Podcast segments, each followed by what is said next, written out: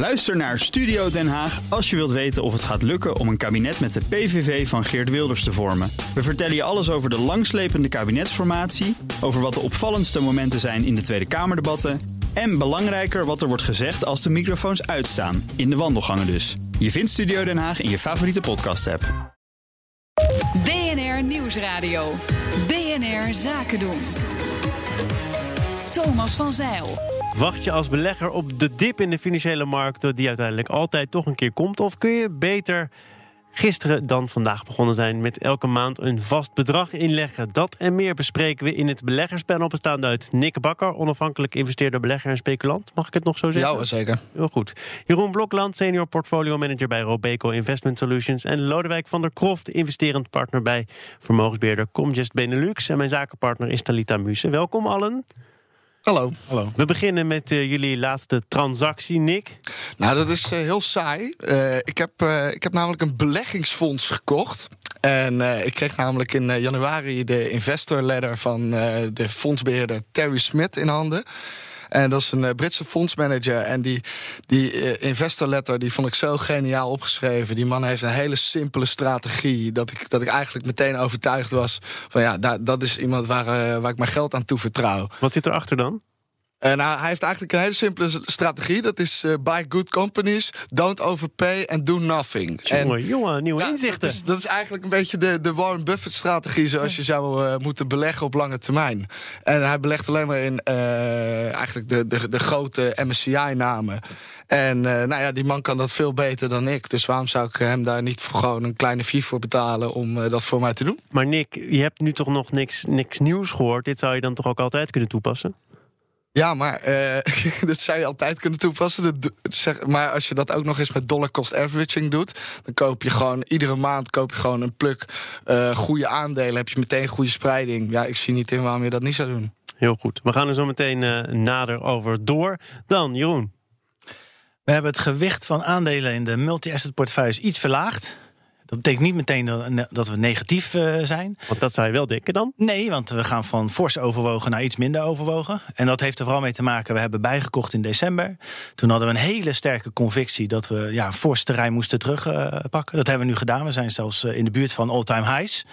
De vooruitzichten zijn. Januari, februari waren gewoon heel goed. Waren supergoed. Um, en, maar dat betekent ook, hè, als je kijkt naar van hoe, hoe moet je positionering zijn. Dus wij ge gebruiken een modelletje waarin we de ranking van de verschillende asset-categorieën en onze convictie meenemen. Ja, die convictie is nog steeds goed, maar dat we echt nog een keer 20% gaan doen, is natuurlijk minder geworden. En dat is een hele normale reden om het uh, gewicht wat terug te schalen. Ja, maar dan, ja, het is maar net hoe je het interpreteert, maar dan heb je er toch net iets minder vertrouwen in. Of althans, dan denk je het beste is geweest. We denken dat we er in absolute termen iets minder mee kunnen verdienen. Maar nog steeds dat aandelen het beter gaan doen dan andere beleggingscategorieën. Ja. Oké, okay, dat is dan duidelijk. Lodewijk, tot slot. Uh, ja, onze laatste aankoop was in uh, China. Afgelopen maand hebben we onze positie in uh, Inner Mongolië, Ili, iets uitgebreid. Hebben we al eerder over gehad in dit programma. De Chinese Campina. Ja. De makkelijkste omschrijving van het bedrijf. En, uh, Toen kwam ook de vraag, wat weet je er dan precies over? Hoe moeilijk is het hoe lastig is het om, Nou, is vreselijk lastig. En ik zal de laatste zijn om te beweren dat we alles weten. Maar wat je natuurlijk wel hebt gezien is dat Chinese aandelen het heel slecht hebben gedaan. Met name in de laatste periode van 2018. Nou, het herstel waar Jeroen het over sprak, dat zag je natuurlijk vooral terug in Chinese aandelen. En daar wilden we van mee profiteren. Ja, maar weet je inmiddels dan wat meer? Of weet je gewoon dat na een slechte periode er altijd weer een periode van herstel komt? En is dat de reden?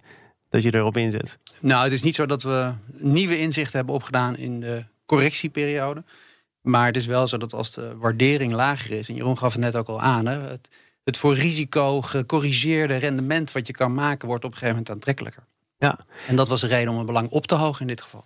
Moet je dan toch ook in de gaten houden wat er gebeurt als uh, Trump en uh, Xi met elkaar in gesprek zijn? En of dat al dan niet leidt tot importheffingen? Of dat de deadline wordt uitgesteld? Of heeft dat er eigenlijk allemaal niet zo heel veel mee te maken? Nou, de kans dat er een glas melk op tafel staat uh, bij het overleg is redelijk aanwezig. Want Trump is geheel onthouder. Dus wellicht dat hij een glas melk wil drinken. Maar ja, ik denk eerlijk gezegd dat, dat dat eigenlijk voor de hele asset class vooral geldt. En niet specifiek voor in dit geval de, de Chinese Campina. Goed.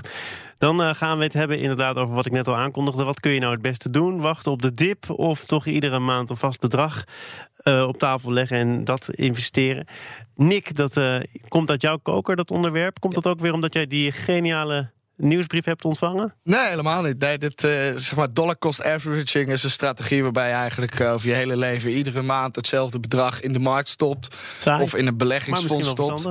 Ja, nou ja, goed. Ik heb dit geleerd van, van Arendtje Kamp toen ik bij, bij IEX kwam werken. En uh, die heeft dat ooit uitgerekend. Als je begon in 1929, wat dan je rendement was geweest. Nou, dat een slechtere periode om te beginnen met beleggen in mijn ogen was er niet dan de uh, top op 1929. En uiteindelijk hou je met dollar cost averaging een fantastisch rendement. En uh, ik kwam van, wanneer was het? Uh, vorige maand, afgelopen maand, kwam ik een stuk van uh, Nick Maguli tegen. Ik zal hem zo wel even retweeten, kan iedereen het me lezen.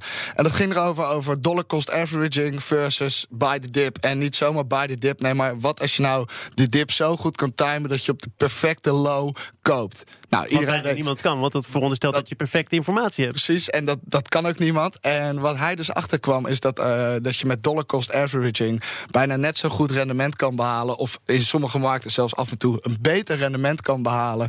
dan uh, wanneer je op het perfecte niveau de dip koopt. En dat vond ik erg bijzonder. Het klinkt alsof je echt helemaal totaal geen talent of kennis of expertise nodig hebt om goed te kunnen beleggen. Dus dat, ja, dat is een groot geheim. Wat, uh, ja. Dat is een groot dus geheim. Zou, dat, dat moeten we vooral niet op de radio vertellen. maar maar dat is dus wel zo.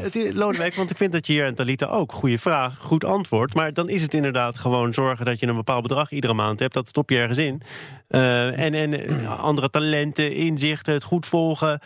De realiteit is dat beleggen zou eigenlijk zo saai moeten zijn als kijken naar groeiend gras. En uh, maandelijks een bedrag steken in uh, een beleggingsportefeuille is denk ik heel verstandig om te doen. En vooral niet naar omkijken. Um, en niet te veel transacties doen.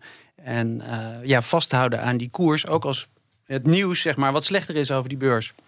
Het aardige natuurlijk van de methode die uh, Nick net omschrijft, is dat als de beurzen lager zijn, je per saldo meer aandelen koopt tegen die lagere prijs dan op het moment dat beurzen hoger staan. Dus dat is het meest aantrekkelijke natuurlijk van dollar cost averaging. Ja, is het inderdaad uh, en een goed bewaard geheim en inderdaad zeer verstandig om dat vaste bedrag iedere maand ergens in te beleggen? Um, twee dingen. Eén, ik denk dat twee dingen een beetje door elkaar gaan. Hè. Dat, er zijn natuurlijk heel veel mensen die hebben maandelijks een bedrag om te beleggen. Omdat bijvoorbeeld hun salaris weer binnen is gekomen. Waar vaak het dollar cost averaging principe wordt gekeken is... ik heb een som geld, een grote som geld. Moet ik die nou in één keer beleggen? Of moet ik dat nou uh, splitsen in bijvoorbeeld 12 maanden uh, een twaalfde deel?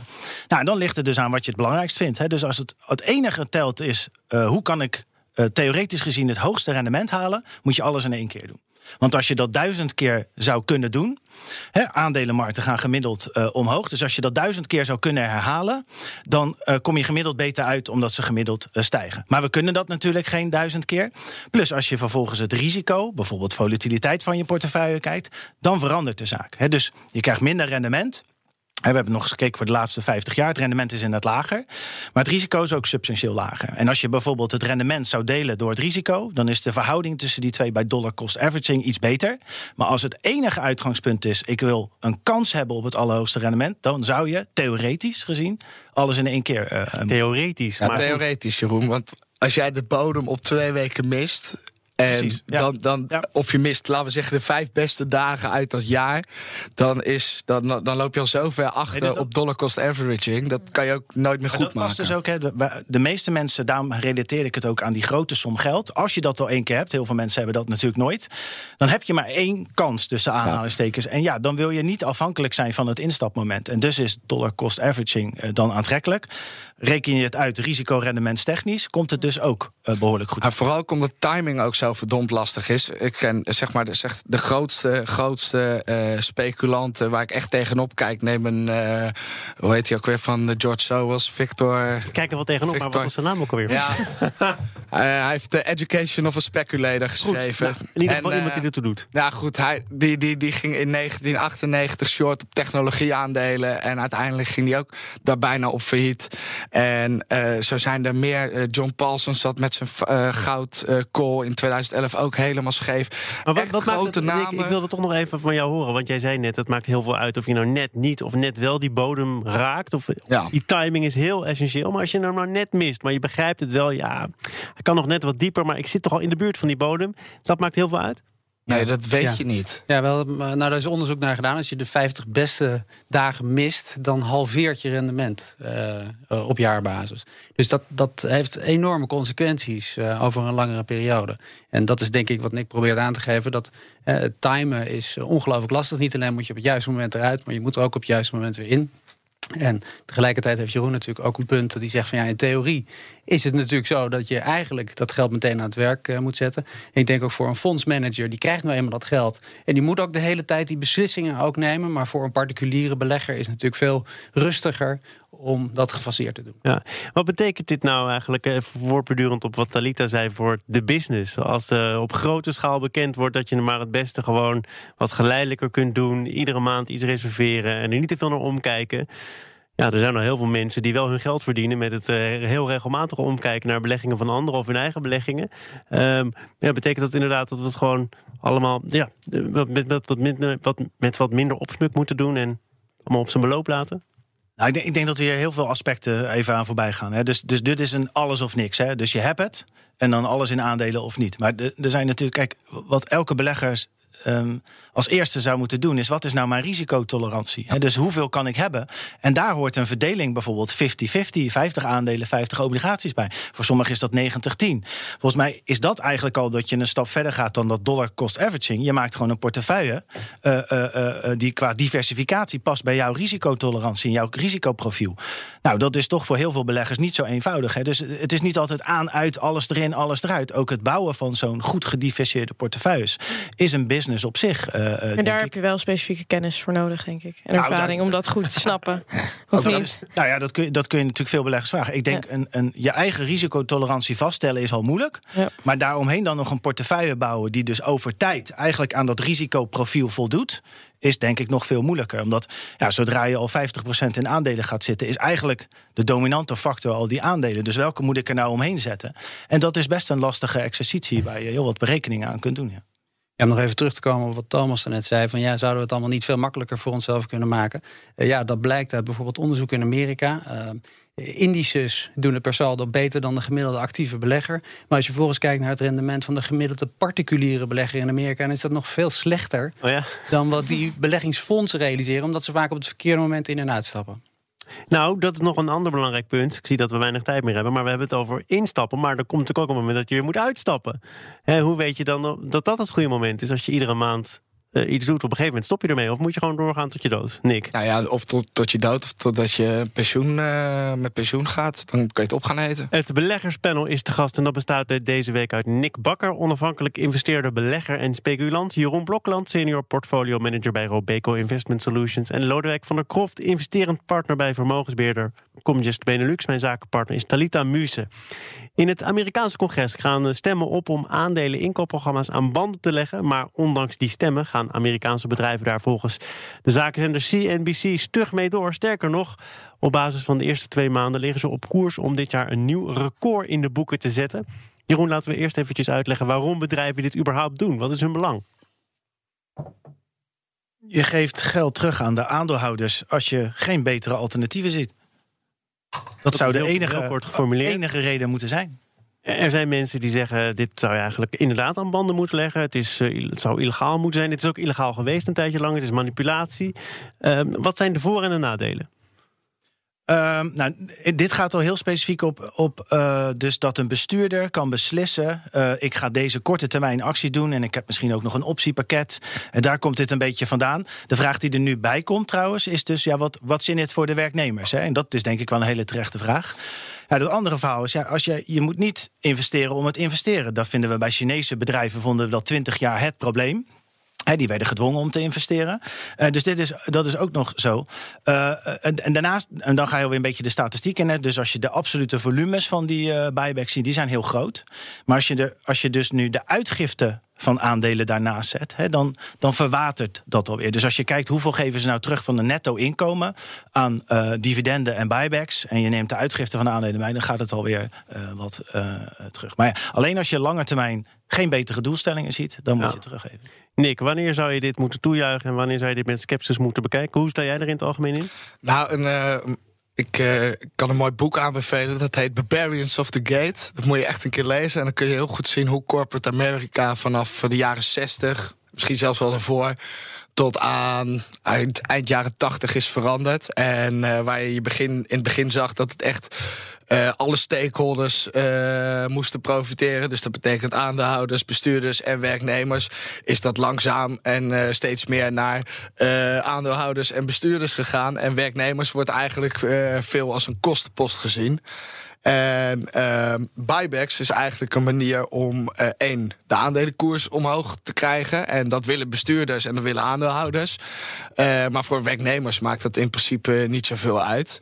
Het tweede is dat over dividend moet belasting betaald worden vaak in veel landen. Oh ja? En dat is, ja, dat is natuurlijk vervelend. En nou ja, dat kun je dus opheffen door aandelen in te kopen in plaats van dividend uit te keren.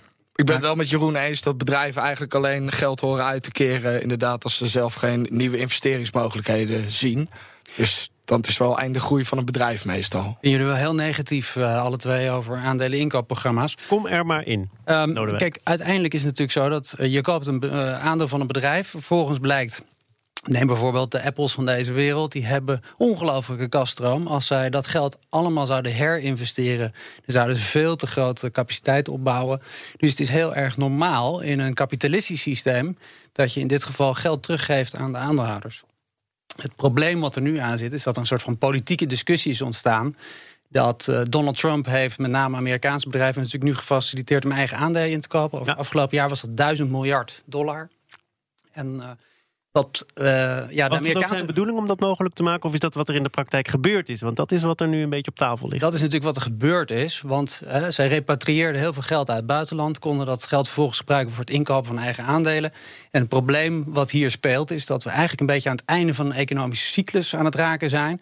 En dat de druk voor bedrijven om ja, te investeren in productiecapaciteit, dat die eigenlijk niet zo heel erg groot is. En dat dit eigenlijk een hele makkelijke manier was om dat geld aan het werk te zetten. Maar productiecapaciteit is toch niet het enige waar je in kan uh, investeren om je eigen vermogen te, kleiner te maken? Dat, je kan er toch wel genoeg andere manieren om. Ja, je kan het weggeven dat, en uitgeven, ja. Je medewerkers of in duurzaamheid of in. Ja, precies. Ja. In, al, in allerlei andere dingen kan je dat toch steken. Dan, ja, maar uiteindelijk is een bedrijf natuurlijk geen caritatieve instelling. En wordt er geconcurreerd op wereldschaal. Dan kan je zeggen, ja, tuurlijk is het hartstikke mooi als werknemers een extra bijdrage krijgen. En als dat een eenmalige bijdrage is, dan is dat vaak prima. Maar op het moment dat je mensen een structurele salarisverhoging geeft, dan betekent dat ook dat in mindere tijden dat diezelfde bedrijven dat natuurlijk ook nog moeten ja. betalen. en... Maar Lodewijk, dus, dus uh, Trump heeft uh, het fiscaal aantrekkelijk gemaakt. Ook voor bedrijven is hen uh, goed gezind. Nou is er een financieel journalist, Rob Stallinga, die heeft op IEX eens eventjes bekeken op basis van cijfers die hij dan weer ergens van, anders vandaan had, wat Amerikaanse bedrijven met dat uitgespaarde geld hebben gedaan. 56% is, uh, is gegaan naar die buybacks. 25% voor het aantrekken van personeel- en loonsverhogingen. En 8% is ingezet voor innovatie. Geeft dat niet toch wel heel goed die verhoudingen dan weer? Hoe dat geld nou, geeft, is gebruikt? Het geeft vooral aan dat het laat cyclisch is. En dat deze, uh, dat zeiden mensen destijds toen ook al, dat uh, Trump met maatregelen komt die de economie op dat moment niet nodig had. Um, en ik denk dat dat vooral het probleem is. In um, jaren tachtig is dit ook al eens een keertje grootschalig onder Bush uh, gebeurd. En toen is veel meer gebruikt in capaciteit en investeringen en innovatie dan dat dat thans het geval is. Maar dat heeft niet, zo, niet zoveel te maken met wie er aan de knoppen draait of wat er precies gebeurt. Het heeft vooral te maken met een, de cyclus. Hij gooide extra olie op het vuur. Oké. Okay. Dan uh, gaan we, nu we het toch een beetje over Trump hebben gehad, praten over olie. Want die heeft uh, getwitterd. Doet hij wel vaker. Dit keer over de OPEC. Hij liet weten dat hij de opgelopen olieprijs, dat is al een tijdje gaande, niet weet te waarderen. Calm down, OPEC, zei hij. Sinds januari staat er een plus van 25% op de borden. Heb ik ook allemaal kunnen zien voor degenen die jou volgen op Twitter. Um, Jeroen, het heeft wel effect gehad, hè? Want die olieprijs is sinds die tweet weer naar beneden gekelderd. Ja, het heeft in één dag heeft het effect gehad. Of het op de lange termijn uh, impact heeft, ik zou zeggen van niet. Um, wat ik altijd wel bijzonder vind als Trump dit doet, hè, dat. Natuurlijk zit hij heel snel op dat de benzineprijzen omhoog gaan en, en dat soort zaken. Maar Amerika is van een olie-importeur een olie-exporteur geworden. Dus Um, ze hebben er ook wel wat meer last van dan voorheen als, als die olieprijs te laag zou zijn. He, volgens mij gaat bij hem alles, als, als het hem te snel gaat of te langzaam, dan he, heeft hij de behoefte om daar iets over uh, te zeggen. Um, ja, volgens mij, als je kijkt naar wat OPEC nu doet, ja, naar wat ze afgesproken hebben, is het niet heel raar. Ook omdat er natuurlijk wat zorgen zijn over hoeveel demand er nou is. Ja, ja. Had nog een tweetje over. Ja. ik, ik, dacht eigenlijk dat de beurs en ook olieprijzen zich niet heel erg meer lieten beïnvloeden door tweet van Trump. Hè. Dat was in de eerste instantie was dat iets, iets nieuws, iets spectaculairs. Maar nu lijkt de gedachte ook te zijn: joh, er komt hier een bericht. Maar nu zie je dan toch nog wel dat dat invloed heeft. Nou, volgens mij is dat de OPEC vorige keer uiteindelijk een beetje deed wat Trump van tevoren had gezegd dat hij zou willen. Dat die twee uh, uh, beslissingen totaal onafhankelijk waren. Dat is dan even in het midden gelaten. En daardoor zou dit kunnen zijn. Ja, ik denk dat je er niet te veel achter moet zoeken. Uiteindelijk is die vraag aanbod. Er is wel één, één ding um, um, wat denk ik belangrijk is. Hè, dat ook. Um, uh, commodities of olie zich steeds meer als een soort financial asset gaat gebruiken. Hè. Dus als we met z'n allen verwachten dat de economische groei beter wordt, dan kun je kiezen. Nou, bedrijven meer winst, dan moet ik bedrijven hebben. Of meer grondstoffen. Dus, dus die link van alleen maar vraag en aanbod en dus OPEC in dit geval. Maar ja, er zit veel meer eh, achter. En ook de positionering van uh, bepaalde partijen speelt daarbij een rol. Uh, dus er zijn zoveel. De positionering van bepaalde partijen? Ah, je kunt op Bloomberg gewoon opzoeken um, hoeveel um, um, openstaande uh, short- of long-posities er zijn die niet commercieel uh, zijn, hè, dus die niet voor de dagelijkse gebruik uh, zijn. Dat zijn allemaal vormen waar je naar kunt kijken. Ja, net als short, net als long, inderdaad. Die future contracten, daar kan je dat wel aflezen. Maar wat, je ook, wat ook vooral zo is, is dat de olieprijs inderdaad een. ja, het is eigenlijk de verwachting, eigenlijk net als de aandelenmarkt, de verwachting van beleggers, speculanten, wat er economisch gaat gebeuren. Nou, en als die verwachting is dat, dat, dat het allemaal economisch wat minder gaat, gaat de olieprijs omlaag, gaat de aandelenmarkt omlaag. De olieprijs wordt toch vooral bepaald door de OPEC, die heel transparant is over hoe ze dat kunstmatig of omhoog of omlaag brengen? Uh, deels. Deels. OPEC is, alles... OPEC is natuurlijk steeds minder belangrijk geworden. Omdat er ook. Uh, Amerika... Er natuurlijk al aangehaald dat Amerika een netto-exporteur van olie is geworden. denk aan Rusland, wat geen onderdeel van OPEC uitmaakt. Noorwegen is dat niet. En er zijn natuurlijk voldoende producenten buiten OPEC.